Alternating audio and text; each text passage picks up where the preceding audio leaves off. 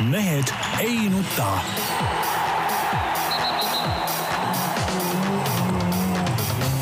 mehed ei nuta. selle eest, et mehed ei nutaks, kannab hoolt Unibet, mängijatelt mängijatele. tere teisipäeva. kell on üksteist, Mehed ei nuta nagu tavaliselt eetris.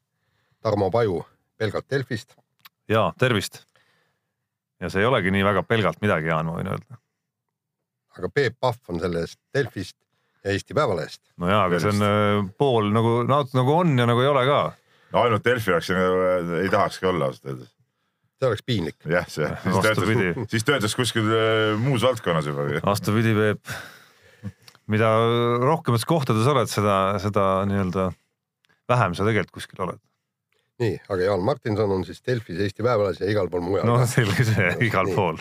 ei jää kuskil või ei kuskil, jah. nii, poliitikast tahaks äh, väheke äh, viidata sellele jamale, mis toimub nüüd selle miljarditehase ümber, mis Tartu lähedale sinna on planeeritud, puidutöötlemistehas või mis ta iganes on, et, et minu meelest jumalast lahe äh, tegelikult on mitte lahe, aga iseenesest täielik jama, eks, et Tartu lihtsalt ütleb, et, et niisugust tehast siia ei tule, sellepärast et me oleme ülikooli linn. kohalikud inimesed taha, siis taha ongi kõik. okei, kuule, siis ei tule kindel et ei tule ka mingi Rail Baltic. aga ei tohikski tulla ju. kurat, sellega on inimeste elukohad, külad, kõik on ära rikutud, loomulikult ei tohiks tulla. ei, absoluutselt nõus. on meil üldse vaja seda või? nii, järgmine asi, tähendab. tehku see tehas kuhugi metsa, miks ta peab seal linna äärde te tegema? no seal on teatud põhjused, eks. no ei, pole seal mingeid okay. põhjusi no,. tahavad teha, tehku mujale okay. ja väga õige, ära hakka siin, ära hakka siin midagi inimeste vastast juttu ajama. ei, ma vastupidi, ma olen selle poolt et lõpuks saabki kohaliku inimese hääl kostvaks. vaata, mina elan sealsamas Tartu maantee ääres ja tartlased põristavad oma pagana autodega minu maja juurest mööda, rikuvad minu õhku. põhimõtteliselt ma arvan, et Tallinna kogu. Tartu maanteel sa elad? no elan Tartu maantee ääres. Tartu maantee, see lastekodu tänav on ju paralleelne Tartu maanteega, meil on seal vahet. sa elad, üks maja on seal vahel ju. no just, aga ikkagi rikub minu õhku ja ma arvan, et Tallinn võiks võtta seisukoha, et tartlased, palun jätke oma autod Peetri taha ja sealt tulge edasi jala. nagu absurdimaailm, eks ole. ei, see ei ole absurdimaailm. ega mis õigusega. mis valus selle tehasega on? ei, aga mis. mis valus selle tehasega on? kas sa tahad, et sinu sinna hoovi peale tuleks, pandaks siuke tehas püsti või? hoovi peale ei ole, kuule. minu... sama teeb välja. kuule, Kehra on, tegelikult ma ütlen. jube mõnus on, jube mõnus on seda Kehra või Kohila sitahaisu taluda. ei, aga kusjuures tule, tulebki no. sinna Jõelähtmesse no,, aga no., aga ta tuleb kaks, kolm, neli, viis korda aastas, mitte rohkem, viis päeva, selle ma kannatan välja. ja küsimus ei ole ju haisus ainult, Jaan, et seal on ju noh, reostuses on ikka nagu kuule, suurem küsimus. kuule, nelikümmend tehast on Soomes. kas Soome on reostunud või? No ükski neist ei ole siiski Soome kõige, no ütleme kõige suurem, aga suuruselt teise linna külje all siiski, ükski neist ei ole miks ei ole? seesama Äänekoski, seesama, seesama, seesama Äänekoski näiteks on ju ikkagi tehtud nii-öelda mingisuguse sellise mõttega, et viia ta kohta, kus see lahendab ka mingisuguseid nii-öelda töö, töötuse probleeme ja siukseid asju. aga siis tulebki teha Tartu, uuring. Tartus seda nagu ei tohiks seal nii väga olla tegelikult. siis tulebki teha uuring ja viia sinna, kus on vaja aga, aga no, seda. ma saan aru me..., miks nad protestivad, protestivad sellepärast, et kui nad juba hakkavad nagu Tartus uurima, siis justkui nagu kirjutavad alla sellele, et see tulebki Tartusse ja ei uurigi nagu alternatiivseid kohti. ei, aga põhimõtteliselt nende jutt on ka hea, aga viige ta Narva, et seal, see on niikuinii tööstuslinn. ei, ma olen selles mõttes muidugi Jaaniga nõus, et, et see on ka absurd, kui kõik, kõik tahavad, et majandus kasvaks, onju, aga not in my backyard onju, et. mis majandus kasvab, peab kogu aeg kasvama midagi või? No, ei no aga nad ise hädaldavad. mismoodi sa majandad riiki siis? seda ta... tahad küll, et sporti rohkem ja. toetatakse. et see püsiks samal tasemel oleks hästi ju. no aga samal tasemel püsimine siiski on nagu tegelikult taandareng. ja peale selle, ma ütlen veelkord, kui seda tehast on vaja, kui seda üldse on vaja, eks ole, see, ma ei, ma olen ka neid arvutusi jälginud, ma ei ole päris selget eh, sotti saanud, kas on vaja või ei ole. kui on vaja, siis sellised asjad peavad olema ikkagi kohas, kus nad ei sega inimesi, kus ei ole ühtegi elamut, ühtegi eh, asulat, mitte midagi sest teistpidi, Jaan, ma ja, nagu vastu vaieldes, see ei saa ka päris nii käia, et ongi mingi punt ärimehi, kes tegelikult ajab oma äri siiski ju, nende huvid on eelkõige enda äri ju no,. et, et enda kasum loomulikult. ei no aga kõikidel on ju enda kasum tehakse... kõikidel ka, ka, ka Delfi omanikul on ju oma nende, kasum. et nende huvides tehakse igasugu eriplaneeringud, erandid, mingid RMK-ga mingid omad värgid, kõik on ju, et noh, nii ka päris ei saa no. ja, ja nagu kohalikud ütlevad, et nad on selle vastu, siis tuleb ikkagi nii kaugele asja ajada et nad ei oleks nagu lõpuni selle vastu ikkagi, siis tuleb ära veenda nad ikkagi. ei no Tarmo, siis ma räägingi, Rail Balticut ei tule. no kas sul on vaja see Rail ei, Baltic? minul ei ole. see on ju täitsa nonsense projekt üldse. Kui kui me, me vaataks muidugi spordist rääkida, me saame, avavad mingeid laekaid siin. Rail Baltic ongi ju debiilide projekt. kas sa, kas sa oled ka? sellega nõus, jah? ma olen ausalt öeldes suhteliselt selline nii ja naa, et ma ei ole aru saanud, kas see Rail Balticust nagu on praktikas ikka väga kasuks, kes, kes seda nagu praktikas kasutama Ei, okei, ma olen aga, nõus. aga sa räägid nagu põhimõtteliselt, ma saan aru, et aga kas sa oleksid nõus, kui sinu kodutalust äh, sõidaks läbi see Rail Baltic või? kas sa oleksid sellega Jaan nõus ei, või? kindlasti ei no oleks. mis sa räägid? ei, aga seda ma räägingi. see teema lõppenud. Kõik sa ütlesid sõnum- kindlasti ei oleks kõik. jah, kõik teema, teema on lõppenud ja iga omavalitsus otsustab, kas siia tuleb tehas, kas siia tuleb raudtee, kas Loomulikult, siia tuleb tee loomulikult., kõik, see. selleks ongi kohalik omavalitsus., väga hea. ei, ei no nii palju on Jaanil õigus, noh päris nii peeneks see asi minna ei saa, noh kuskil on mingi nagu No kuskil on riigi huvid ka ikkagi mis. riigi huvid?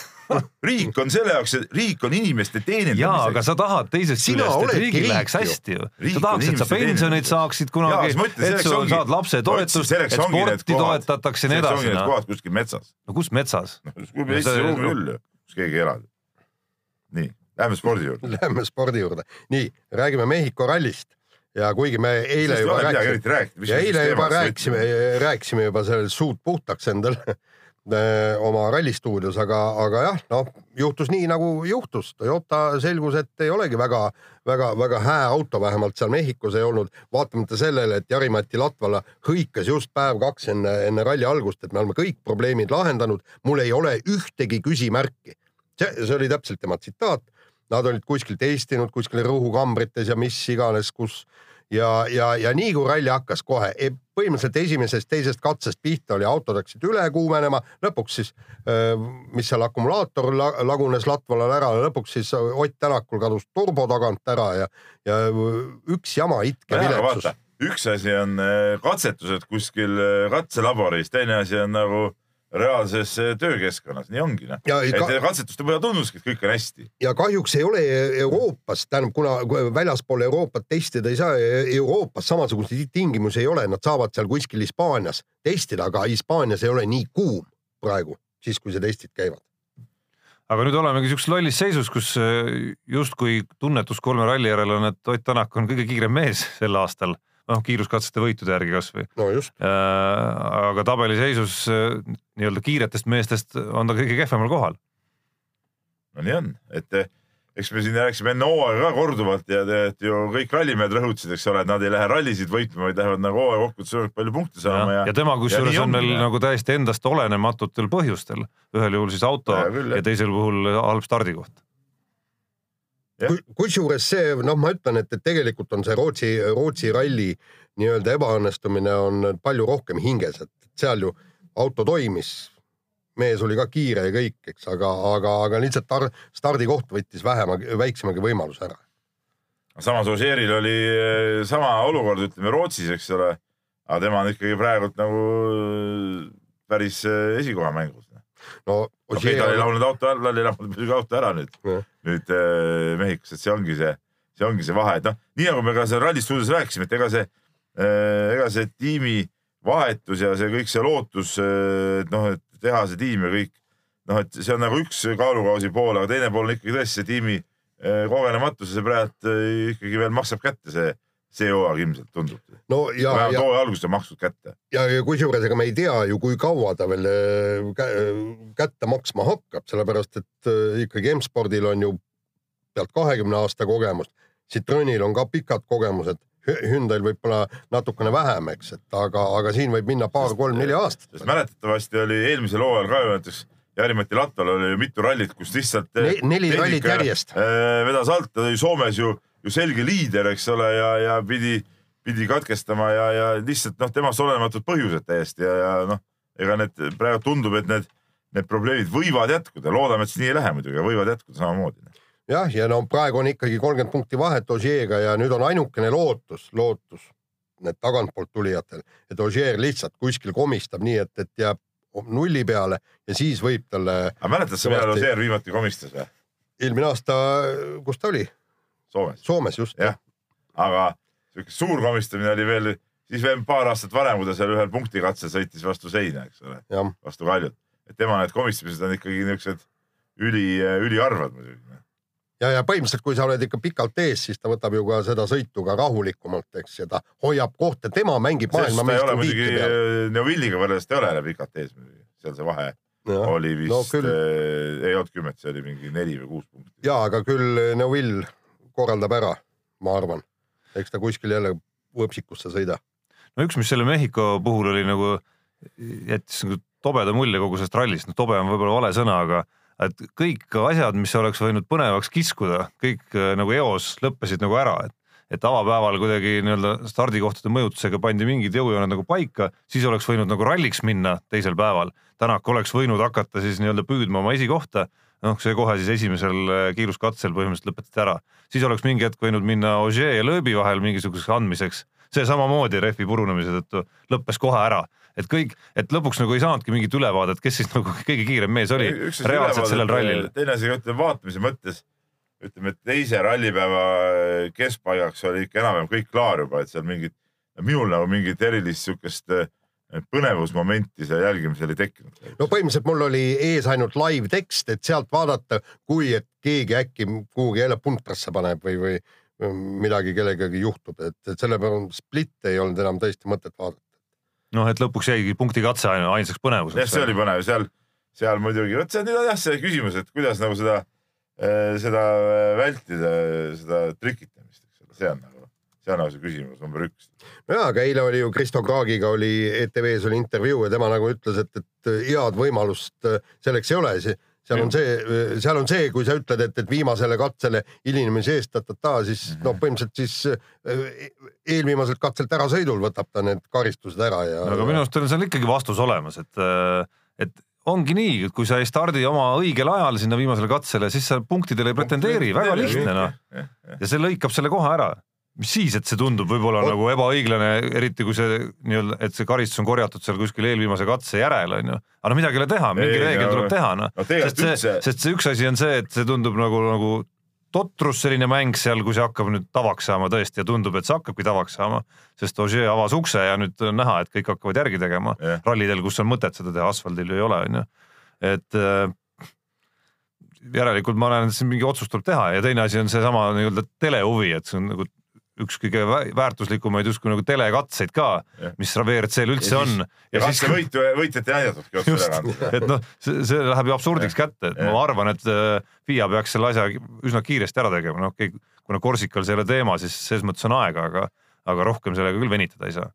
ja ei, sellega ma olen täitsa nõus, et see on, see on nagu, nagu jamps, et, et siin mingist ebaõiglusest rääkida selles kontekstis ei ole õige, sest et iseenesest eh, kogu see ralli filosoofia ongi läinud mõnes mõttes natuke nagu totraks, et kõik need katkestajad saavad ju uuesti tagasi tulla, siis saavad seal veel mingi punktikatse pealt mingeid punkte võtta, et noh, et see nagunii on juba eh, mõnes mõttes nagu ebaõiglane, eks ole, mitte vanasti nii, et, et katkestasid ja oli läinud, ma mäletan, kui Marko Märtin, kui tuli see nii-öelda superralli süsteem, eks ole, kuskil oli mingi rallil ja, ja, ja Märtin siis sõitis sinna superralli süsteemi, siis ta käis vahepeal seal poes jäätist ostmas ja, ja suhtus ka väga siukse noh, et see ei ole nagu päris ralli ja, tegelikult see on ka õige, see, see suhtumine oligi nagu õige tegelikult tol, tol hetkel.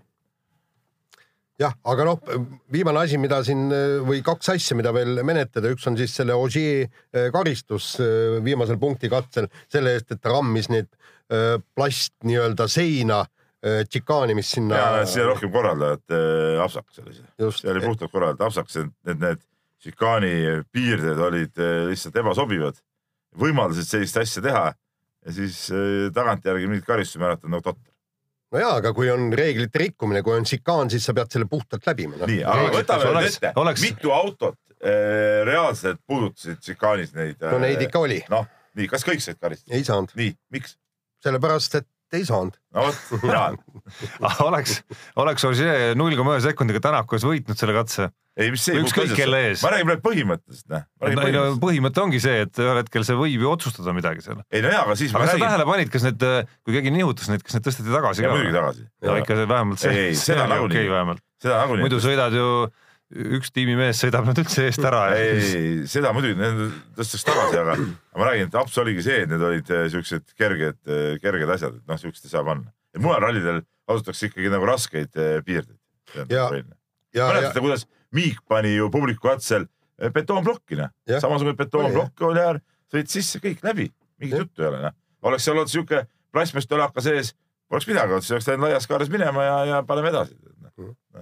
Nii ja lõpetuseks kiirelt, et äh, Sebastian Loeb näitas nüüd täpselt ära, mikspärast on üheksa korda maailmameister, et pärast mitut head aastat põristamist kuskil kõrberallidel ja, ja rallikrossi vend istub täiesti uude autosse, mis on oluliselt võimsam kui see, millega tema omal ajal sõitis.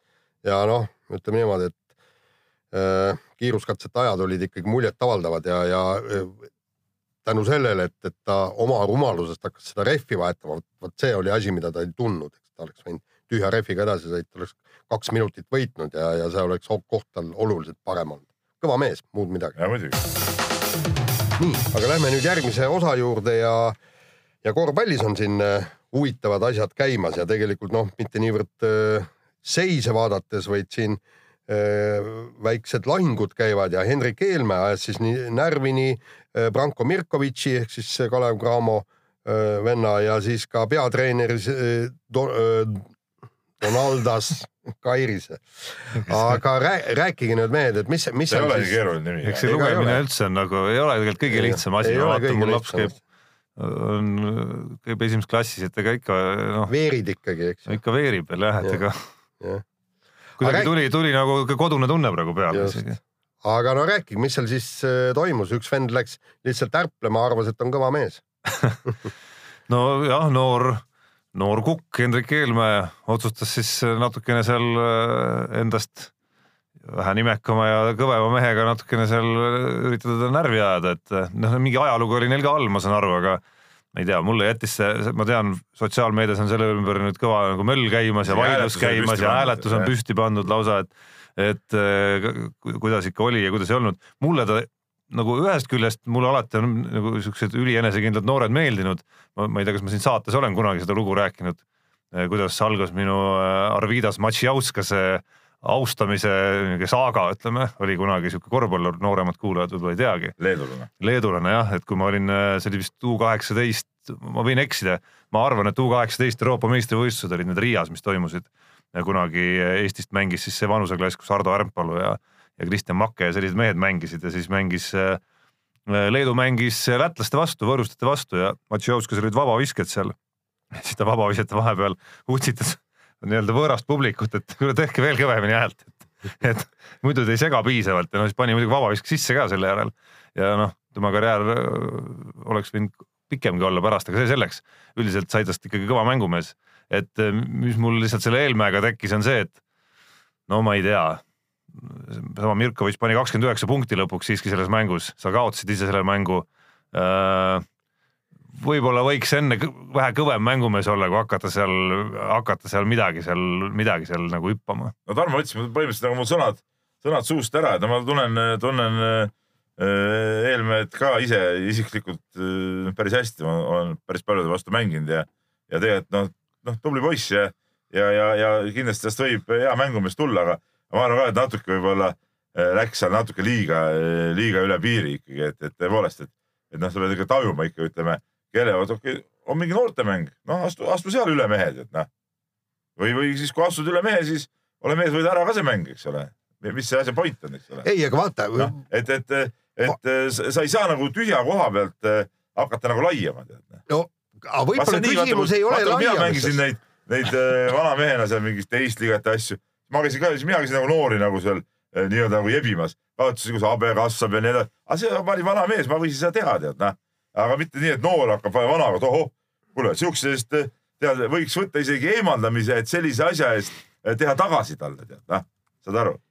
ega kui küsimus on selles see on nagu põhi, et- vaata see on nagu jäähokist, et Jah. seal oleks tulnud karistada poissi tegelikult platsi peal. ei, aga see, vaata, seal on, kui vastane mängib liiga hästi, siis mingisugused nipid võiks ju Ei, olla selleks, et teist närvi ajada nõus,. Jaan, absoluutselt nõus.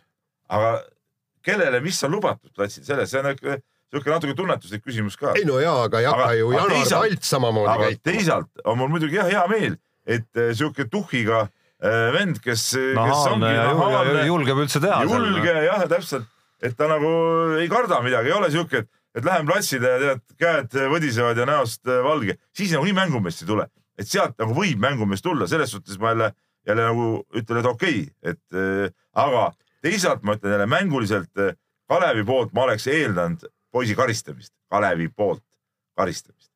parem nii, et kohtunikud ei näeks ka. just, et NBA-s viimasel ajal on see nii-öelda trash talk on selline kõneaine kuidagi olnud palju seal. Mõned äh, uue maja mängumehed on, on selle asja kuidagi tõstnud nagu jälle noh, nii-öelda au sisse, et Joel Embiid on seal üks niisugune väga värvikas kuju näiteks. et äh, just sattusin ESPN-ist lugema üks päev äh, sellist nii-öelda trash talk'i kirjutamata reeglite, kolm kirjutamata reeglit oli, millest kolmas oligi see, et leidsin selle siit kiiresti otsides üles isegi, et, et nii-öelda vaata, kes sa oled ja vaata ka tabeliseisu. Et, et ühesõnaga seal olid mitu näidet toodud, kus ikkagi mingisugune Phoenix Sunsi mees, kes kuskil tabeli, ma ei tea, kus alumises osas oli ja kes nagu staarina võib-olla veel suurem asi ei ole, läks seal vähe nimekama mehe ja kõvasti nimekama mehega midagi ütlema, et siis lõppes see vestlus tegelikult nagu üsna kiiresti ära, et kes, kes sa nagu oled üldse. nii ongi, õige. nii, aga vahetame teemat ja Eesti spordil oli ka väikseid võite nädalavahetusel, nimelt Martti Juhkami tuli Prantsusmaal võrkpalli karikavõitjaks no.. kahjuks küll no, edu sillutati siis, kui tema välja vahetati, aga ikkagi kõva ikkagi. ei no kõva ikkagi ütleme ta, ega siis noh, äh, see ei vähenda nagu mehe väärtust, eks ole, ja mehe rolli, et et ta on ikkagi meeskonnamees ja, ja, ja, ja see, et ta pandi finaalis äh, platsile, eks ole, noh, näitab juba tema, tema olulisust selles võistkonnas, et, et okei okay,, võib-olla kõik ei tulnud selles mängus konkreetselt nii hästi välja, aga see, see on võistkonnamäng, see ei ole, ega Mart Juhkam üksi ei mänginud seda, see oli võistkonnamäng. tulid teised mehed, tegid ära ja, ja ongi kõik ja võistkond võitis ja, ja tema oli võistkonna liige, nii et selles suhtes tipp-topp. tead, mehed ikka, te olete ikkagi millestki natu-, natukene valesti aru saanud tähtis ei ole juhkamine, kes ta niisugune on, tähtis on juhkami koerad.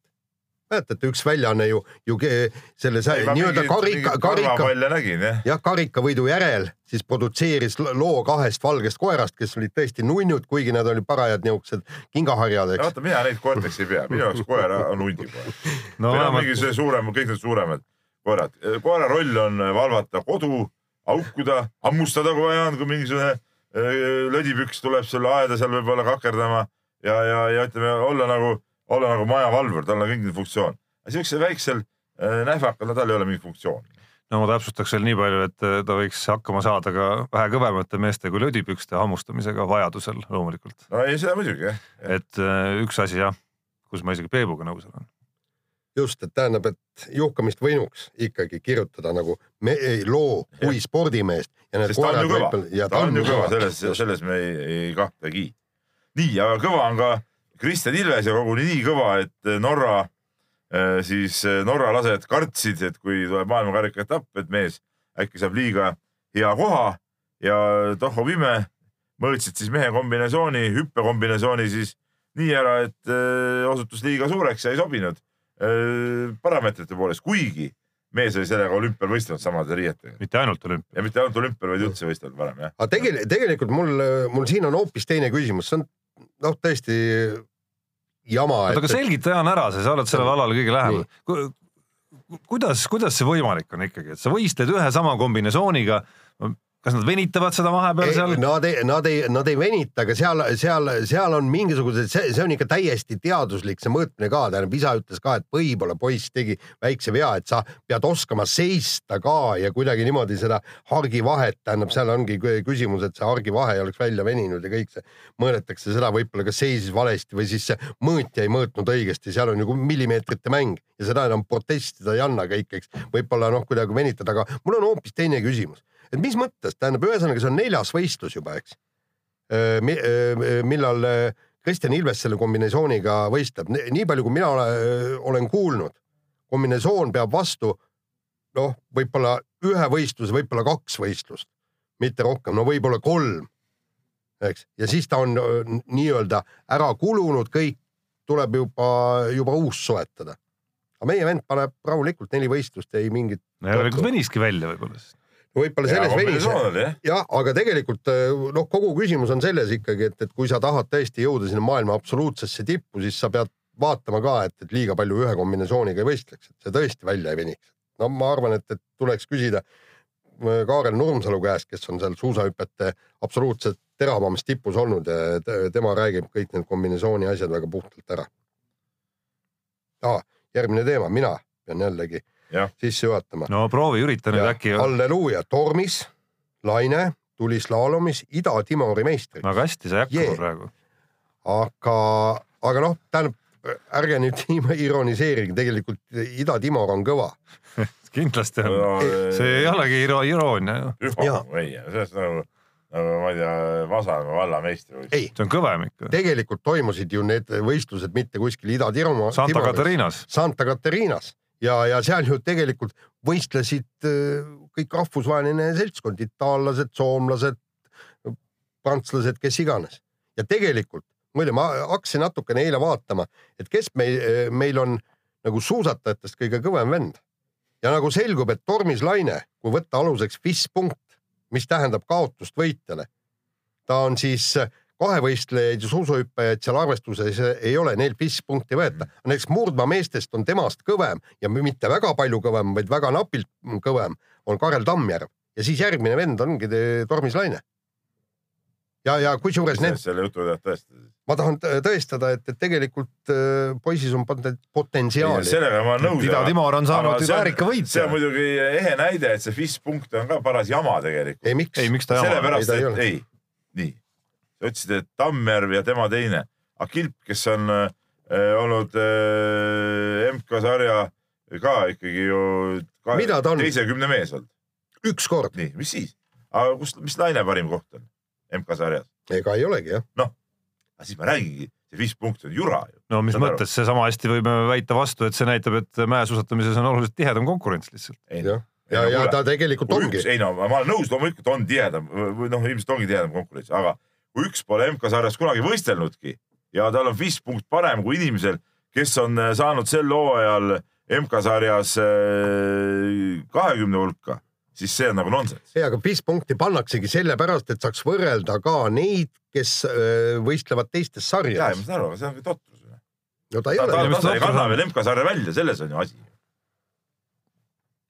jah, aga, aga konkurents sinna on ikka, ikka meeletu, seal on, seal on nagu ütleme kolm, kolm sarja, noh nagu te, tennises, eks. ei, ja ma saan väga hästi aru, mis sarjad seal on. aga ma lihtsalt räägin, et see nagu näitabki ära selle FIS punkti koos sellise totruse. ei, ma, ma küll aru saan, miks ta nagu totrust näitab, selles mõttes ta näitab väga konkreetset asja. ah,. tähendab, sa arvadki, et Tormis Laine on kõvem kui Marko Kilp? ei, ta kaotab võitjale vähem. seda ta näitabki noh. sa ei pea on?, sa ei pea sellepärast tegema seda tõlgendust kohe, et ta kõvem on, noh. selle järgi, FIS punkt ju näitab ju kõvasust ju. vastus ongi Ja- sellele, viis punkti järgi on kõvem, koha järgi ei ole kõvem, no väga kohe järgi lihtne. ta pole isegi, kõvem, vaid ta pole isegi nagu, ta ei näe isegi kilbi selga. no just, aga see ongi õige vastus, see ongi õige vastus aga see. näitabki, et see viis punkti, ütleme võrdlemine erinevate alade vahel ongi nagu totrus ju noh.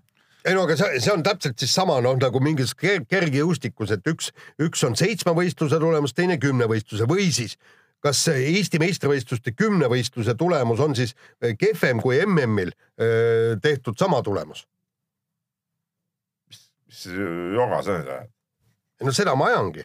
sellest võrdlusest ma nii hästi aru ei saanud, aga muidu ma olen Jaani pool. ei no põhi, põhi, põhimõtteliselt tulemus on tulemus, kui sa kaotad võitjale ma, mis iganes kolm koma kaks protsenti ja teine mees kaotab kolm koma seitse protsent protsenti. ei ole ju mingisugune no- näitaja, Jaan. ei no samamoodi ei ole ju- seesama kettaheite, kuidas suusatajad ütlesid, et, et äh, nemad on ju siis kõvemad kui Gerd Kanter kogu aeg ongi. ja, ja no lihtsalt, lihtsalt selle vahega, et seal mõõdad sentimeetreid ja antud juhul me räägime ikka kahest alast, kus mõõdetakse aega. Ja mis vahet sellel on? no ikka on kui vahe. protsent on ikka, kui te peate seda ülemuslikuks, siis see on nagu, nagu. ei no keegi pole öelnud, et see on ülemuslik, lihtsalt see on üks faktor. no see ei ole mingi fakt, seda vaada, ütleme siin nagu võrdlusmoment puudub tegelikult. tase on veel liiga erinev. nii ja kiire vahemängu lõpetuseks äh, äh, Joosep Susi, endine raadioreporter, kirjutas Sirbis siis äh, pärast olümpiat äh, siis ütleme telearvustuse, kus riidles natukene kommentaatoritega, kes olümpiaülekandeid kommenteerisid ja põhiline soovitus oli, et äh, rohkem võiks vait olla. noh, mitte just niisugune soovitus, aga tõesti ta ütles, et kui midagi öelda ei ole, et, et see eetrit ei ole vaja täita ja kusjuures see on, see on huvitaval kombel on no ei, see peab paika muidugi. jah, ja huvitaval kombel on noh, ma, ma ei, ma ei, ma ei tahaks öelda, et, et ainult Eesti reporterite probleem, aga, aga kui ma vaatan näiteks äh, tõesti Ameerika jalgpalli või Soome te televisiooni, siis seal ikka see paus kannab, nad tõesti oskavad öelda siis, kui on vaja öelda ja olla vait siis, kui on äh, vaja vait olla, et, et seal, aga, aga probleem ongi selles, et see ongi nende igapäevatöö ja ma kujutan ette, et nii Soomes kui ka Ühendriikides käib ikka kõva treening. Et see, see ei ole puhtalt niimoodi, et, et ma lihtsalt tulen, tulen sinna juttu ajama teleka taha ja siis kuni järgmise korrani lihtsalt äh, kratsin neid samuseid. nojah, aga see ongi, see ongi see totrus nüüd, et see samad olümpiaülekanded läksid laiali mingisuguste erakanalite kätte. Seal neid- tööjõudu ei suudeta palgata, tööjõudu välja ei koolitata, ega sama häda on meie enda Delfi ka igast äh, pupujukud, mina kaasa arvatud olen käinud seda korvpalli kommenteerimas, et see on ju totrus tegelikult ju. seda peaks ju kommenteerima ainult professionaalid, ainult professionaalid ja sina, Tarmo, kui sa tahad korvpalli Viasatis kommenteerida, peaksid töötama Viasatis, kommenteerima korvpalli. väga lihtne, eks ole. ja, ja, ja kui tahab inimene Delfis kommenteerida, siis kommenteerib Delfis korvpalli, mitte nii, et täna teen seda, homme toda, korraks käin seal, udutan seal mingit juttu ära, nii see ei ole õige. see ei No jaa, nii, mis see lahendus siis on, kuidas see peaks käima? kui tahame näidata, siis võtame tööle professionaalsed kommentaatorid. no jaa, aga selleks ei ole ju on. mis me ära lahendus., mis me ära no.. kuule, Peep, sa saad ju ise väga hästi aru, et, et aga see viibki taset alla ju. puhta viib taset kommenteeri- alla., puhta kommenteerimisega sa ära ju ei ela. Need, need kommentaatoritasud on minu jaoks olid ka hämmastavalt väiksed, kui ma kuulasin. ja, ja see tase lähebki alla. Ja, ja, ja kui kui me ei ole võimelised äh, neid näitama, ütleme no ütleme meie või siin mõned teised kanalid ka suuremaid võistlusi, eks ole, mida suurema võistlus, seda professionaalsem peab olema ka kommentaar, see on ka selge, eks ole. kui ei ole selleks võimelised, siis ei saagi näidata, noh. ja kas üldse peabki näiteks kõiki korvpalli näitama, minu arust ei pea näitama. ma ei tea, mul minu arust on see väga lahe, et kõiki saab näha, ma ei arva seda. ei jaga seda arvamust. Aga noh aga põhimõtteliselt mingis- oli, mingi maani- absoluutselt õigus. mingi maani sa minu arust võrdled nagu ikkagi võrreldamatuid asju, et noh, võrdled mingit, ma ei tea, kuidas tehakse BBC-s või, või ma ei tea, Norra televisioonis ja siis tood selle kuidagi siia, siia aga miks see võrreldamatu on? loomulikult on see võrreldamatu noh. miks, miks aga miks sa ajalehti samamoodi ei võrdle? miks sa, võrdle. kuidas sa võrdled, ühes on mingisugune sada lehekülge, teises on kakskümmend või kakskümmend neli või ka- või kakskümmend kaheksa. päevaleht ei olegi ju leht ja ka Postimees ei ole ju leht. maailma mõistes ongi mingid pisikesed, pisikesed äh, mingid maakonnalehekesed. ega loomulikult me töötamegi mingis. aga sellel on ju mingid objektiivsed põhjused, Peep. no paha lugu noh, väga paha lugu, aga. aga miks sa töötad siis, miks sa siis keeldu, miks sa, sa võiksid keelduda nagu töötamast lehed on nii väiksed, mis ma teen siis, kuhu Noh. ma kirjutan siis? aga siis ei ole mõtet noh, selles mõttes nagu lamenti lüüa selle see on, seal on ju mingid asjaolud. see ongi meie põhitöö, eks ole, me teeme kirjutame lugusid põhitööna.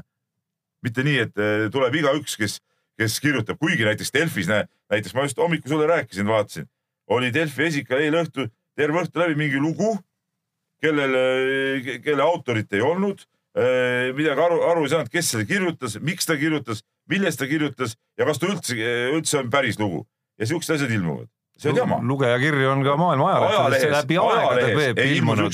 asju mitte kunagi. aja, lugejakirju on ilmunud ka ajalehtedes maailma ajaloos läbi aegade algusest, Lugejakirjad alates on markeeritud. algusest kuni aeg, aegade praeguse päevani. lugejakirjad on kirjutanud, kirjutas Peep Vasalemast, Tarmo Arupõlvast, Äh, lugejakirjad on markeeritud väga erinevalt. aga anonüümseid asju ei peaks nagu üldse avaldama, see on ka selge. nii, aga nüüd lähmegi kirjade juurde. noh, on, äh, kus sa nüüd tead, et need kõik äh, äh, on nii-öelda isikustatud, sa hakkad ka siin, sa hakkad ka praegu lugema neid kirju ette, millest osad on anonüümsed. no, see siin su süda siin ei siin su süda ei. tõrgu, aga sa oled kindel, et need on kõik nagu õiged nimed? Tamm, Tamm kindlasti ei ole no õige vot, nimi. vot, ikka loed ette, näed. no ma ei loe siis, okei okay,, Tamm Tammi kirja anna andeks, Tamm Tamm, sinu kiri jääb täna. jah, aga see kiri ei ole sellepärast halvem, Peep. ei, aga sa võid refereerida seda kirja, sa ära loe ette, vaid refereeri seda kirja. tee lühikokkuvõte. nii, aga meil on siin meelelahutussaade, siis me võime siin seda lubada, aga Eesti suurim uudisteportaal ei saa, ei või enda siukest asja lubada. no ütleme, et olgem ausad, Delfis on ka väga palju meelelahutusportaale siiski. no need olgu siis, olgu seal kuskil nurga taga karjus. nii, aga okei okay,, Tamm Tamm, pääsesid seekord, loeme su kirja ette, sul on siin huvitav tähelepanek, mis on muidugi tegelikult, tegelikult sa kirjutad ka jaburat juttu muidugi, ma loen selle ette, nii. eelmises saates arutasime uibo rahastamise teemat. Eestis toimus taliujumise mm neli korda kakskümmend viis meetri ujumises osales ka ujumise maailmameister, lisaks veel ka palju MM-i ja EM-i medaleid võitnud Hanna-Maria Seppele nii palju medalivõitjaid, nii palju medalivõitjaid seitsme võistluses ei osalenud seal uibo vastu, eks ole. põhimõtteliselt on see sarnane äh, võistlusega äh, nagu oli seitsme võistlus, eks ole, ujumise seitsme võistlusel olid täidetud samad tingimused, mis te püstitasite, püstitasite eelmises saates. näiteks saab edastada täielikku maailma tippu Seppelet. Ujumise aegu ei saa ka täpselt võrrelda, eks ole, nii. ja nüüd ta siis küsibki, et, et, et kas siis põhimõtteliselt saaks siis järgmine kord sealt noored minna siis ka nagu raha küsima, eks ole, kui nad on siuksel MM-il saanud kõrge koha no tähendab, ütleme niimoodi, et, et selles taliujumises ma ei ole küll väga-väga tark sõna võtma, aga küsimus on, kas see on ametlik finavõistlus, kas seal on kõik täidetud täpselt samad tingimused, mis on rekordite ja aegade ujumiseks, ehk siis basseini. no tegelikult ei ole, seal no, ju starditakse juba ju basseinist. no vot no, just aga..., sellega lõpebki kõik. veel üks asi, veel üks asi, terve mõistus peab ka säilima ikkagi nagu mida saab nagu lugeda ja mida ei saa lugeda. No... üks on klassikaline sport ehk seitsmevõistlus on klassikaline sport mingisugune jääkuubikute vahel ulpimine ei ole klassikaline sport ja siia kõik jääbki, siia kõik jääbki pidama. no see, mis oli minu arust selle uibo teema tegelik ja kõige suurem iva oli minu arust see, et asja sisule tuleb otsa vaadata, ehk siis, kui me näeme, et Maicel Uibo on äh, järgmisel olümpial üks meie potentsiaalne, ma ei tea, medali pärast võitleja, mida ta kahtlemata vähemalt potentsiaali mõttes on, siis järelikult on vaja teda toetada, sest meil on vaja Maicel Uibot, Eesti spordil on vaja teda. nii lihtne ongi kui seal taliujumisel oleks ka olnud selline mõni, kes me näeme, et järgmisel olümpial on sellise pot potentsiaaliga, siis ma oleks nõus ka tema nimel vaidlema, et no, jaa, ta vääriks toetust. me ei lähtuks selle toetuse määramisel ju sellest. no seda küll, sest ilmselt oleks ta ka mõnel nii-öelda traditsioonilisemal, kasvõi lühiraja, ütleme lühirajal näiteks oleks suutnud mingit vastavat tulemust näidata vähemalt ja, ja ma, ma olen täiesti kindel, kui lühirajal ja, ja, ja vend laksiks nagu tõesti nagu korralikke tulemusi, võtaks mitu medalit ära, no. ei, lühirada peaks loomulikult olema no,. siis tuleks, ütleme asjapulkadel sarnaselt Maicel Uibo olukorral kokku tulla ja. ja mõelda, et me võiksime siin natukene võib-olla mingi erandit teha. ja mis puudutab muidugi fakte, siis Hanna-Maria Seppala muidugi vist loobus ujumisest juba paar aastat tagasi, tippujumisest. jah, aga kunagine maailmameister. aga Georg saadab meile lingi meie enda Delfi äh, kvaliteetsest uudisest, et äh, see refereeritud Soome väljaannetest. et Soomele kolm medalit võitnud Krista Parmankoski tarvitas olümpial dopinguainet ja Georg küsib, kuidas me kommenteerime seda artiklit. no Jaan, mis sul on selle kohta ütelda? ei no mis mul on ütelda, see on see absurdne tui nii-öelda ehk siis äh, arstide poolt lubatud dopinguainete tarvitamine, mille siis noh, vastava vada nagu välja annab. arstid edastavad vadale, et näete, et selleks, et meie sportlane terve püsiks või temal on haiguste raviks on vaja kasutada seda, seda ainet. seal on komisjon, kes vaatab ja ütleb, et meil on Eestis on ka muide see minu teada on see TUI komisjon olemas ja, ja kui leitakse, et jah, see nii-öelda keelatud ainete nimekirjas olev aine on vajalik sportlasele, lubatakse kasutada ja see, see on noh, ma ei leia, et see oleks väga õige. Aga, aga nii ta on. täielik jama, kui sa oled haige ma ei tea, südahaige või astmaatik, no siis ei ole tippvõistlused ju koht. Peep, aga, aga, aga, aga vaata seal. see on looduslik valik, noh seal tuleb, seal tuleb asi, seal tuleb teine küsimus, aga vaata millegipärast seda ei laiendata. teine küsimus on see, et, et tavainimene saab kasutada teatud ravimeid enda ravimiseks, mis, mis ravivad ta kiiremini välja, eks. ja nüüd tippsportlane ei saa, ühesõnaga tema ravi takerdub selle tõttu, et ta ei saa kasutada seda, mida tavainimene. no ütleme aga... õigem oleks öelda, et ei takerdu ravi, vaid takerdub tema karjäär. ei no ei, ka ravi, tähendab ühesõnaga, kui sa ei no sa... see oleneb, kust otsast nagu vaadata. kui vaadata nii nagu nüüd Peep praegu ütles, et eh, sorry, noh siis võistelda ei saa ja kõik. no ei saagi, mis teha. takerdub karjäär lihtsalt siis noh. ega, ega minu kehakujuga ei saa olla ka iluvõimleja ju noh, või iluuisutaja. mis teha siis? No põhimõtteliselt saaks küll. no ei saa. Sinu oma samuti mitte. No me oleksime lihtsalt väga kehvad iluvõimlejad. no aga midagi ei ole parata, noh, et, et eh, elu on selline, samamoodi kui sul mingi haigusi ei luba seal sporti teha, no siis ei saa, no ega sa ei saa siis võtta mingit dopingut, kui teised ei saa võtta. okei. Okay., ja võta viimase kirja, kirju teed hästi palju võta viimase kirja Kalle. Ja see tuli veel ralli sellest punkti katse, lihtsalt ta pakub siin välja siukse asja, et no küll tema öö, sõber tuli sellise ideele, aga, aga idee selline, et kõik ralli kiiruskatsed oleksid punktikatsed selle vahega, et ainult katsevõitja saab punkti. no on ju. kogu süsteem samaks ja punktikatse jagatakse punkte sama süsteemiga, noh lõpp, lõpus siis, eks ole et ehk siis äh, iga ralli katsevõidu eest saaks ka eraldi punkti. no aga see, see selline ju... süsteem oli vaata selles juunior WRC sarjas. ei no see oli ju siis juba, kui äh, sõitsid need äh, Egon Kaurid ja need seal, eks ole. aga miks mitte? Miks mitte, ega see tegelikult ei, ei olegi väga paha süsteem ju. nii et Kalle, kirjuta FIA-le ja, ja pane asjad käima. ja ei, aga süsteem on tegelikult hea, vot siis siis läheb äh, raskeks nii-öelda ožeelikult vaikselt tiksuda teise teed ühe kolmanda. kiiruskatsega võtad vahe sisse, siis, siis susistad niisama. Jah, täpselt. kui sul on ikka kakskümmend viis kiiruskatset seal rallil ja teine või võtab, võtab nendest kakskümmend neli ära. Pole ka paha ei.. noh, teisalt tekitab see mingeid äh, selliseid veidrusi, kus äh, ühel hetkel on sul kuskil poole ralli pealt näiteks on sul Ogier, kes on enam-vähem võidu juba kindlustanud ja siis on mingi posu igasugu superralli ja siukseid mehi onju. et noh, selge, et sellel esikoha vennal ei ole mõtet minna neid üksikuid punkte noppima seal. aga siis need teised noh, see sihuke väike ebavõrdsus tekib seal natukene. tal ei ole mõtet, eks ole, kihutada see ei ole mõistlik tema vaatenurgast, aga siis need nii-öelda katkestajad mehed on kõik seal siis rabelevad nende punktide pärast. no aga vähemalt Aga action käis. action'it oleks ei no rohkem. action'it oleks rohkem, küsimus on, kas see nagu nii-öelda ralli üldvaatus oleks nagu õiglane või mitte noh. jah.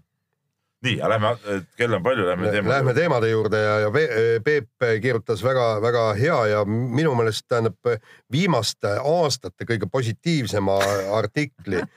ei, see oli siiski intervjuu. intervjuu jah, tähendab kultuuriministriga ja, ja äh, Indrek Saar siis ütles, riik peab tagama tingimused medalite võitmiseks. vaata Jaan, siis mina ei saa midagi kirjutada, mina saan kirjutada seda, mida mees ei rääkis., ei, aga tähendab, kui riik peab seda tagama, siis hakkame, tagama. siis hakkame tagama jah. põhimõtteliselt magab pärast seda intervjuud minu arust palju paremini ja. mina Ja- arvan ka. et, et kõik sportlased on rahul kõik ja, ja ma arvan, et, et nüüd, nüüd ongi, nüüd hakkavad vaikselt hooajad pihta. noh, ütleme oled sa kontrollinud, kas see Uibo asi on juba lahenenud? ei, see. Selle intervjuu tuules. ei, kakskümmend, kakskümmend seitse märts jah, laheneb. miks, miks nii kaua? ei no ei, ei, vaata, kas sa ei lugenud siis või? kultuuriministeerium ei saa siin seisukohta võtta, aga Indrek Saar isiklikult ei saa seisukohta võtta. sellepärast, et nad on delegeerinud selle EOK-le ja kui nad seda teeksid, praegu võtaks seisukoha, siis muudaks see EOK nagu nii-öelda nende väga allasutuseks. õige. ja no ei saa, ei saa. nii, aga, aga ilma aga ikkagi, riigile on sporti ja medalid vaja, tuli välja. just ja, ja tegelikult äh, ilma igasuguse irooniata nüüd ma arvan, et tuleks ka nende sõnade järgi käituda. absoluutselt, ei no nüüd me hakkame järgima seda ju. jah, et, et me tõesti noh, see on no, nagu tüüpiline, eks, et võtame potentsiaalsed medalivõitjad, eks. noh, see ei tähenda seda, et, et öö, suvalistele vendadele on kõik tingimused vaja tagada, aga need, kes on potentsiaalsed medalivõitjad ja tõesti neile tuleb tagada mõistlikud tingimused.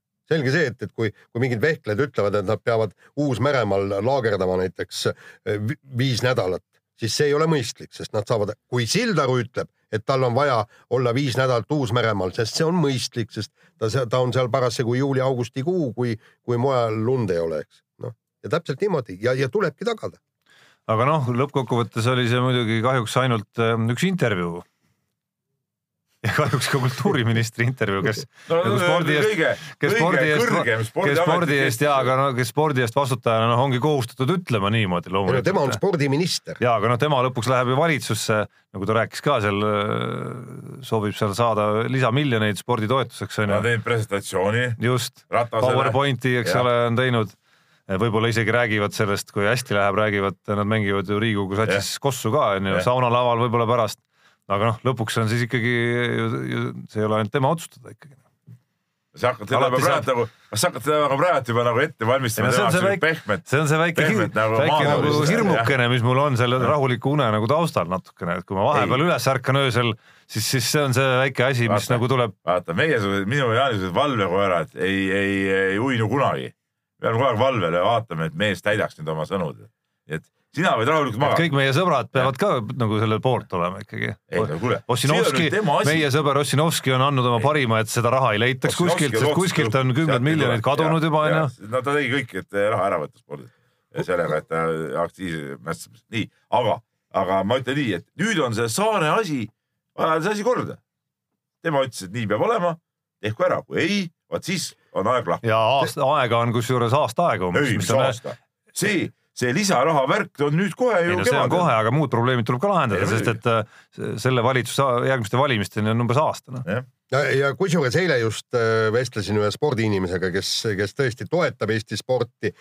tema lapsed teevad Eesti sporti ja ta on ise teinud äh, kõvasti äh, Eesti sporti ja, ja ta oli ikkagi kogu selles Eesti spordisüsteemis küllaltki pettunud ja tõi niisuguse näite, et, et, et see tõesti see tippsport, mis, mis toodab nagu eeskujusid ja, ja annab noortele põhjust tulla ja proovida ka ise staadionile joosta ja suusarajal suusatada ja kui Eestis ühe teatri eelarve on suurem kui kogu Eesti tippspordi eelarve, et siis, siis lihtsalt meil ei ole midagi rääkida sel teemal. et, et see näitab ära e riigi suhtumise, aga kuna mõlemad, nii teatrid kui ka sport on ühe ministeeriumi all, siis ma arvan, et, et tuleb mõistus pähe ka meie ministril. aga minister on teatrimees? no jaa, aga ta on ka spordimees, ma loodan. aga peaminister on spordimees no harrastajana Indrek Saar on ju ka spordimees, seda, seda ei saa küll öelda, et ta oleks kuidagi väga spordigauk, kui me räägime, meenutame siin Rein Langi või mingeid selliseid. aga ta on ikka, ikkagi endine nagu näitleja minu mäletamist mööda. ei, seda küll jah äh,. nii, aga vaatame. Raim, Raim sellest Õnne kolmeteistkümnes. ei, ei kuule muide, valimised on tulemas, huvitav, kas Õnne kolmeteistkümnes võtab ka jällegi sõna? saab jälle rolli, kirjutatakse sisse korraks kindlasti. nii, äh, nii, vahetame teemat, läheme nii-öelda natukene nii-öelda sport, sport higile lähemale, ehk siis äh, võrkpalli Balti liigas veerandfinaalid ees ootamas, põhiturniir sai läbi ja küsimus on äh, ikkagi see, kas seesama Saaremaa, kes nüüd oma klubi kokku pani ja, ja päris võimsa satsi kokku pani ja päris korralikud eelarved kokku sai ja kui põhiturniiri ära võitis, kas nüüd tuleb ka esimene tiitel? Saaremaa Pärnu finaal peaks tulema või?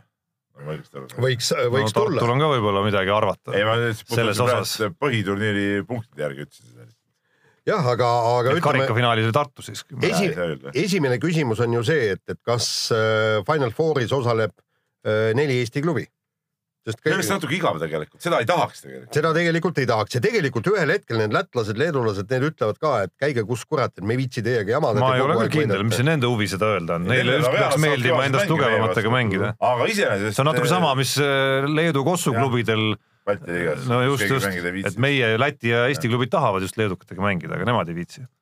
aga tervikuna oleks igal juhul nagu värskendav, kui, mõni Läti klubi ka seal midagi ära teeks ja saaks sinna mängu sisse.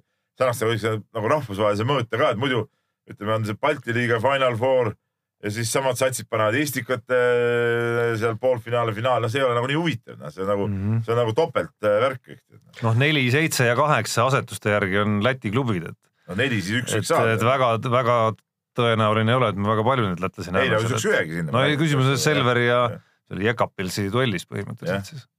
jah, aga, aga no tegelikult eks ma vaikselt loodan seda finaal, finaalmängu just äh, ikkagi Pärnu ja, ja Saaremaa vahel ja tegelikult eks ma tahaks, et Pärnu võtaks selle ära, sest tundub, et Estikatel ehk selle nii-öelda nelja võiduni. pikas jooksus on nagu raskem, et ühe mängu peal alati see lootus suurem. just ja, ja aga mis pika mängu suhtes on, siis oli, oli nüüd selle Saaremaa klubi tekkimisel, meil oli noor reporter Roosna oli ahastuses, ütles, kui finaal tuleks Tartu ja, ja, ja Saaremaa, et, et siis tal oleks ju sõitmist ju mängult mängule ikka päris parajalt, nii et. no tore, auto on ju mõnus sõitma tõesti. ei tea. kevadel eriti veel. eriti kevadel jah. Haisvasse Tartusse, kui see tehas ka sinna. eile alles käisin seal korvpalli mängimas tehast ei olnud, õhk oli puhas. väga meeldiv oli EPA võimlasse minna. nii. nii, aga äh, meie mitmevõistlejad on siin ka see aasta väga kõvas hoos ja Johannes Herm tegi siis seitsmevõistluses nii vägeva punktisumma Ameerikas kui viis tuhat üheksasada kuuskümmend punkti ja no tegelikult äh, läheb päris põnevaks, et suvel on tulemas äh, EM. EM-ile saab kolm meest igast riigist, et Eestil praegult on see kergejõustikuste nimekiri Äh, mitmemõistja nimekiri just äh, pikem kui neid kohti, kes sinna EM-ile võiks saada, et ja tagatud ei ole see kellelegi, isegi, isegi võib-olla veel mitte, et seal tuleb teha kõigil nagu üks võistlus alla enam. jah, no mõte on ju ka selles, et see noh, norm ei ole nüüd EM-il nüüd ülemäära kõrge, seitse tuhat kaheksasada viiskümmend vist, eks et äh, kuigi sellist ajastust samas, kus meil nii palju mehi suudavad seda teha, loomulikult ei olegi olnud. arvatakse, on võimelised seda no siin tegema. isegi Märt Roosna on kümnest kirjutanud no, jah, siin jah. ütleme nendest lugedes okay, need nagu, lugedes need juurde, kes, jah. kes tõesti nagu eesmärgiks vähemalt võiksid võtta Jah. selle, selge on see, et, et neid nii palju ei tule aga lõpuks. näiteid, reaalselt näiteid võib tulla kuus-seitse ja võib-olla. aga vaata, seal tekib jä, nüüd järgmine probleem, et kõik tahavad sinna EM-ile saada ja siis nad teevadki, nad lihtsalt pumpavad ennast tühjaks nendega, teevad võib-olla e- ette kaks, kaks kümnevõistlust siin ei, ei tee, kevadel ma arvan, ütleme, kes ikka on äh, kõvemad mehed, noh, kellel on juba kutsed olemas, seal uibade mehed, lähevad kötsist, teevad seal korraliku võistluse ära, noh, küllap seal see tulemus ära juba teevad, mis tagab, ütleme. Seal ütleme, need, kes võivad ennast tühjaks pumbata, ongi siis ütleme seal võib-olla mingi kolmanda, neljanda, viienda koha peale, kes seal nagu eitavad, et saada viimasena seda kohta, vot need, nendel võib olla raske, ma arvan, et uibususel mehel ei teki ei tea, aga vaata, vaata sealt tekib nüüd, hakkab, hakkab pihta see ameerikalik süsteem, et ütleme niimoodi, et Uibol läheb kötsis äh, natukene nässu, eks. et teeb seal noh, kaheksa-üks, aga no mingisugune, no ma ei tea, kuulitõukes kuradi kümme, kakskümmend või mingi, no üks äh, ala läheb äh, nässu ja, ja, ja, ja, ja siis äh, tulevad kolm meest temast ette, et tema on neljas. ja siis ongi-. no muidugi, aga kuidas sa siis muidu neid, kuidas sa muidu siis teed selle kvalifitseerumise? Mis mis see, mis see parem süsteem siis on? et määrame umbes, kuidas sa, äge vend, kuule. ei, ei no kui sa, kui sa näed täpselt ära, et, et kus see probleem oli, eks. ei no aga no, mis mõttes, aga, aga see on ju teistes, see Valge, kes tegi reaalselt tulemuse ära, äkki ta EM-il ka tõukab kuuli. Et see on siiski oluliselt oluliselt õiglasem süsteem kui see nagu Ameerikas, et äh, sul meistrivõistlused ebaõnnestuvad ja, ja ongi kõik.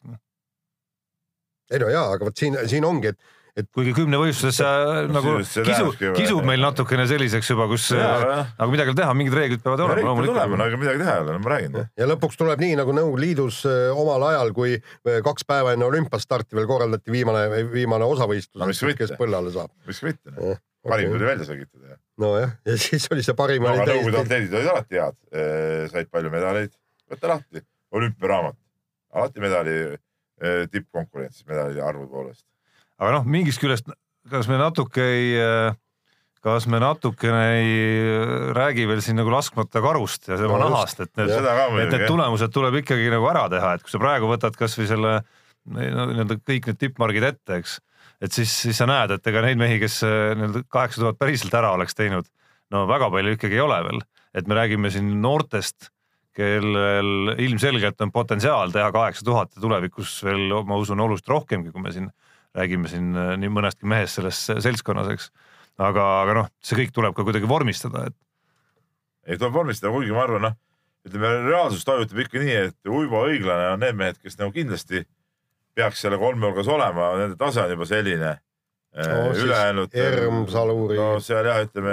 no Karel Tilgast ma olen aru saanud, ei, spetsialistid räägivad jah. ikkagi kui nagu võib-olla kõige po- nagu nii-öelda potentsiaalikamast, Karel Tilga, Tilga. no aga tema no vaevalt ta nüüd selle ühe võistlusega hüppab Uibost ja, ja äh, õiglasest kõrgemale. no kõrgemale vast mitte, aga noh, ütleme kolmas mees tahaks loogilise aruteluga, ma usun, et kolmas mees siiski on seal aga kaheksa kahe- tuhande alguses. nojah, aga kaheksakümnendate alguses on võimelised ju seal teised ka tegema, noh ja et, et selles suhtes ma räägin, et ei, igal väga huvitav, väga huvitav, on mida jälgida. seda enam, et kümnevõistlus on meil on meie südames, südames jah. et eh, ütleme, kui me siin vananeme vaikselt onju, siis vähemalt eh, mingi asi Eesti spordis on jääv Jah. et, et ei ole ainult ei tule peale kottpüksid ja muud alad onju, vaid, vaid ka mingid alad, millega sa juba lapsepõlvest saadik saad nagu suhestuda kuidagi, punkte lugeda ja kogu see Jah. äge mäng. Jaanis ei aita, Jaanis sai aru. No temal numbritega on teadupärast olnud eluaeg natuke pahasti, noh, lisaks lugemisele. võtan kompuutri appi. nii, aga äh, viimane teema ja, ja see on just täpselt vastupidine, sada kaheksakümmend kraadi vastupidine teema, kui me just praegu menetlesime. vahepeal, vahepeal ma vabandan korra, on üks, on üks meie kuulaja ka andnud märku, et Peep, ka sina oled libastunud siin. nimelt ERM tegi viis tuhat üheksasada kaheksakümmend kaheksa siiski ja Nool viis tuhat üheksasada kuuskümmend. No mina lugesin siit paberi pealt, mida sina, Tarmo, ai andsid ette. Jaan on selle mulle omakorda ette kirjutanud. ega ma peast küll neid numbreid kõiki ei, ei, ei, mäleta loomulikult. No no aga numbritega on probleemid. kõigil on meil probleemid, tuleb välja. nii, aga, aga räägime talispordist ja talispordi tagalast ja, ja siis, kui meil on tõesti kümnevõistlejaid, on terve posu, kes, kes on, pürivad sinna EM-ile ja kes võidavad ka medaleid, vähemalt sisemeistrivõistlustel äh, MM-il, siis või on medalikonkurentsis. või on medalikonkurentsis, siis äh, hakkasin vaatama pärast olümpiat, et, äh, et kui see suur uim oli äh, mööda läinud, et me saime ikkagi neljanda koha ja kuueteistkümnenda koha, seitsmeteistkümnes, kaheksateistkümnes, et hurraa, kõik kilkasid, et jube, jube vingelt läheb. Õnneks neid kilkajaid ikka ei olnud. no väga palju, aga noh, eks need alad ise nagu kilkasid. ma hakkasin siis vaatama, et, et mida on meie juuniorid teinud ja, ja, ja kas nüüd sellele seltskonnale on nii-öelda mantlipärijaid sirgumas ja kusjuures selgus, et, et väga ikkagi ei ole. Ja, ja on täiesti tõsine probleem. Ja, ja kui ma rääkisin alainimestega, siis näiteks noh, laskesuusatajad Indrek Tobreluts, kes, kes tunnistas väga ausalt, et juuniore meil ei ole, meil on järgmine, tähendab järgmine, kes võiks praegustele konkurentsi hakata pakkuma, on alles noored ja ütles, neil läheb kolm-neli-viis aastat aega, enne kui nad jõuavad jõuavad sinnamaale, et nad võivad hakata täiskasvanute hulgas midagigi tegema. täpselt sama on suusatamisega. ja, ja Eesti juuniorikoondise peatreener ütleb, et meil on üks distantsimees, kes võiks äh, järgmisel olümpial jõuda olümpiamängudele ja peale selle veel kolm, kolm noort sprinterit. ja, ja, ja see on ka suusatamises kogu järelkasv. siis kiiruisutamises no ütleme, siin on no, natuke. üks noormees, kes Liivi rekordi üle lõi. just, et, et aga, aga nemad on ka veel alles juuniorid, et nad järgmisel olümpial, ma arvan, et nemad ei ole tegijad. kui me võtame samamoodi vigursuusatamise, meil on Kelly, Henry, kõik. sealt rohkem kedagi ei ole. kahevõistlus, kahevõistlus järgmine aasta suure tõenäosusega Kristjan Ilves MK-sarjas, tema vend kontinentaalsarjas ja ülejäänud on noortevõistlustel. Ma tuleks sulle tagasi ega me selle Hendriki kohta ei tea ka veel midagi, aga meeste, ei, me ei tea, jah. meeste seas on see konkurents ju hoopis äh, krõbedam kui, kui naistest, kui naistest ütlesime, Kelly on ainus üldse maailmas, kes sõita oskab, seda, seda spordiala harrastada oskab, eks ole, normaalselt. siis meestes on ju neid inimesi rohkem. ja ei, seda küll, aga vähemalt ta, me teame, et ta, ta on olemas ja ta vähemalt ja, üritab ja, midagi teha. ja, ja, ja see selline on see seis on. Äh, äh, suusahüppajad, praegu see kolmik, kes meil on, kes ei ole suurem asi, eks ja öeldi, et järgmised potentsiaalsed vennad, kes võiksid MK-sarja jõuda, on ainult kolmteist, neliteist aastat vanad praegu. tühi maa. no aga see Maltsev on ju ka ju seitseteist. ei no just, aga, aga järgmised on kolmteist, neliteist, nii et, et. aga teistpidi on seda kõike siis nii vähe või? muidugi on vähe. no ma mõtlen selles mõttes, et. meil ei olegi midagi. et, et kui palju meil on olnud aegu, kus meil nagu tunduvalt ja suurusjärgu võrra rohkem neid on olnud, et tippude osas loomulikult meil on olnud nagu kõvasti paremaid aegu, selge see aga ma mõtlen sealt nagu alumises osas just. ei, aga. kuskilt on need tipud ju tulnud ka ju noh. ei, kuskilt on nad tulnud ka, aga ega sealt nagu mingisugust tohutut järelkasvu parve pole ikkagi. ei no parve ei, ei saagi meil olla, parve ei saagi meil olla, aga mingid, mingid potentsiaalsed tulijad, kui me vaatame, kuidas tulid Kristiina Katris-Migunna tulid juunioride MM-il, tõid medaleid, eks ole, nii. tulid laskesuusatajad, samad, noh, neist lõpuks ka ei tulnud ju midagi tegelikult, Grete Kaimud ja asjad said ka eh, MM-il medaleid. kuule, me... kahevõistleja, sama Ilves, mitu, kolm mm. pronksi või palju ta korjas sealt ära juunioride võistluselt. just, eh, siis ma vaatasin ju ka, et, et mida on laskesuusatajad juunioride klassis teinud. nii Tobreluts kui Lessing kui kõik on vähemalt esikümnes, esikümne piiril olnud. Nad no,, nad on ennast näidanud. no ei no üks, üks, üks noormees meil õnneks oli, kes siin kodusel MM-il noh kindla esikümne konkurentsis oli Ju, selgelt. ei, aga tema ei ole juunior, tema on noor. no seitseteist vist oli Kristo Siim. no jaa, aga ta Just. ühes distantsil ainult sai ju sinna. jah, ja, ja, ja teine asi, seitsme, sa oled seitseteist, jõuda nüüd täiskasvanute hulka, noh, see, see nagu öeldigi, kolm-neli aastat võtab aega, eks see ei ole niimoodi, et sa oled juunior ja sa järgmine üle. selge see, kui me räägime, kes nelja aasta pärast äh, võiks midagi teha, siis me räägime, peame vaatama seda ringi, kes meil juba PyeongChangis võistlesid. võistlesid või õnneks. või ütleme, kui võtame naislaskesuusat, kes, kuna meil on nüüd üks koht, ütleme, kes kandideerisid sellele Just. kohale, et seal võib olla eh, kaks-kolm eh, tüdrukut, aga kui vaatame viimast seda MK-etappi Kondja lahtis, mis oli, no see suusakiirus on ju no, olematu, no see on, see on nii, nii madal, et et siin ei ole nagu mõtet nagu mingist suurtest lootustest rääkida, enne kui hakatakse normaalselt sõitma. kuule, järgmine asi oli. ja ma ei näe siin seda arengut praegu. ja kusjuures meeste laskesuusatamine, meil, meil on ju kaks, kaks venda, kes, kes ilmselt äh, jätkavad ja, ja, ja nüüd käiakse ja kaubeldakse äh, juba neid vanu mehi ja veterane, et kuulge, olge, olge veel üks aasta, et, et muidu me ei saa teatevõistkondadagi välja panna. on ju nii? Ja nii on muidugi, aga noh, naiste hulgas õnneks on see pilt natukene nagu positiivsem, et ma ei, usun, et seal on potentsiaali. ei ole ju ma räägin, no vaata. ei, ma olen nõus ja, ja lisaks ei ole nad ka ütleme seitsmeteist või üheksateist aastased, vaid pigem seal kakskümmend kaks ja, ja niimoodi onju. aga noh, vähemalt kui otsida nüüd midagi positiivset siia vastu, äh, kui me siin mingitest lootustest räägime, kes juba Pyeongchangis võistlesid ka, siis nad on ikkagi nii-öelda nagu arenevas äh, vanuses hetkel, olgu see Kristjan Ilves või Johanna Talihärm. ja, seda ja, küll jah. ja aga, aga jällegi ongi, me, me, meil on noh, nagu ma räägin laskesuusas, meil on Tsahkna ja äh, see Ermits. Ermits jah, ja, ja, ja kõik põhimõtteliselt, sellepärast et sealt see Johannes Talijärv ja, ja kes või Johan Talijärv ja kes, kes see seal veel noortest on, noh, nad ei ole, nad ei ole sel tasemel, et, et, et sõita üldse seda teatesõitu ja, ja midagi. aga samas varsti meil on hakata järgmisi olümpiakohti ju öö, välja sõitma, kahe aasta pärast no.. et see, see. seis on nutuline ja, ja ja ega me siin mingit lahendust ka ei leia. no kontrast ja noh, sellega ma muidugi nõus, kontrast kasvõi sellesama kergejõustikuga on muidugi päris jõhker. ta oli just nagu suusaalade kontrast.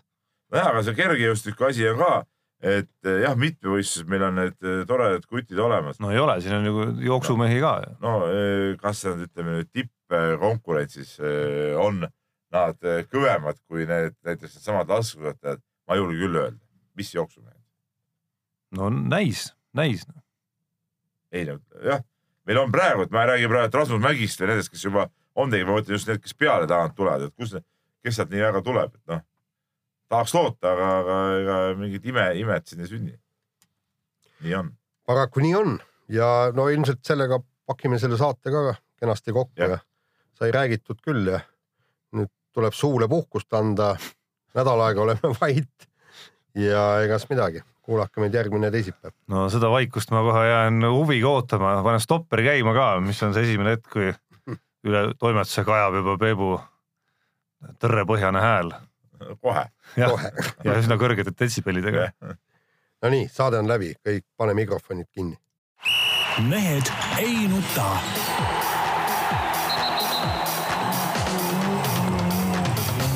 Mehed ei nuta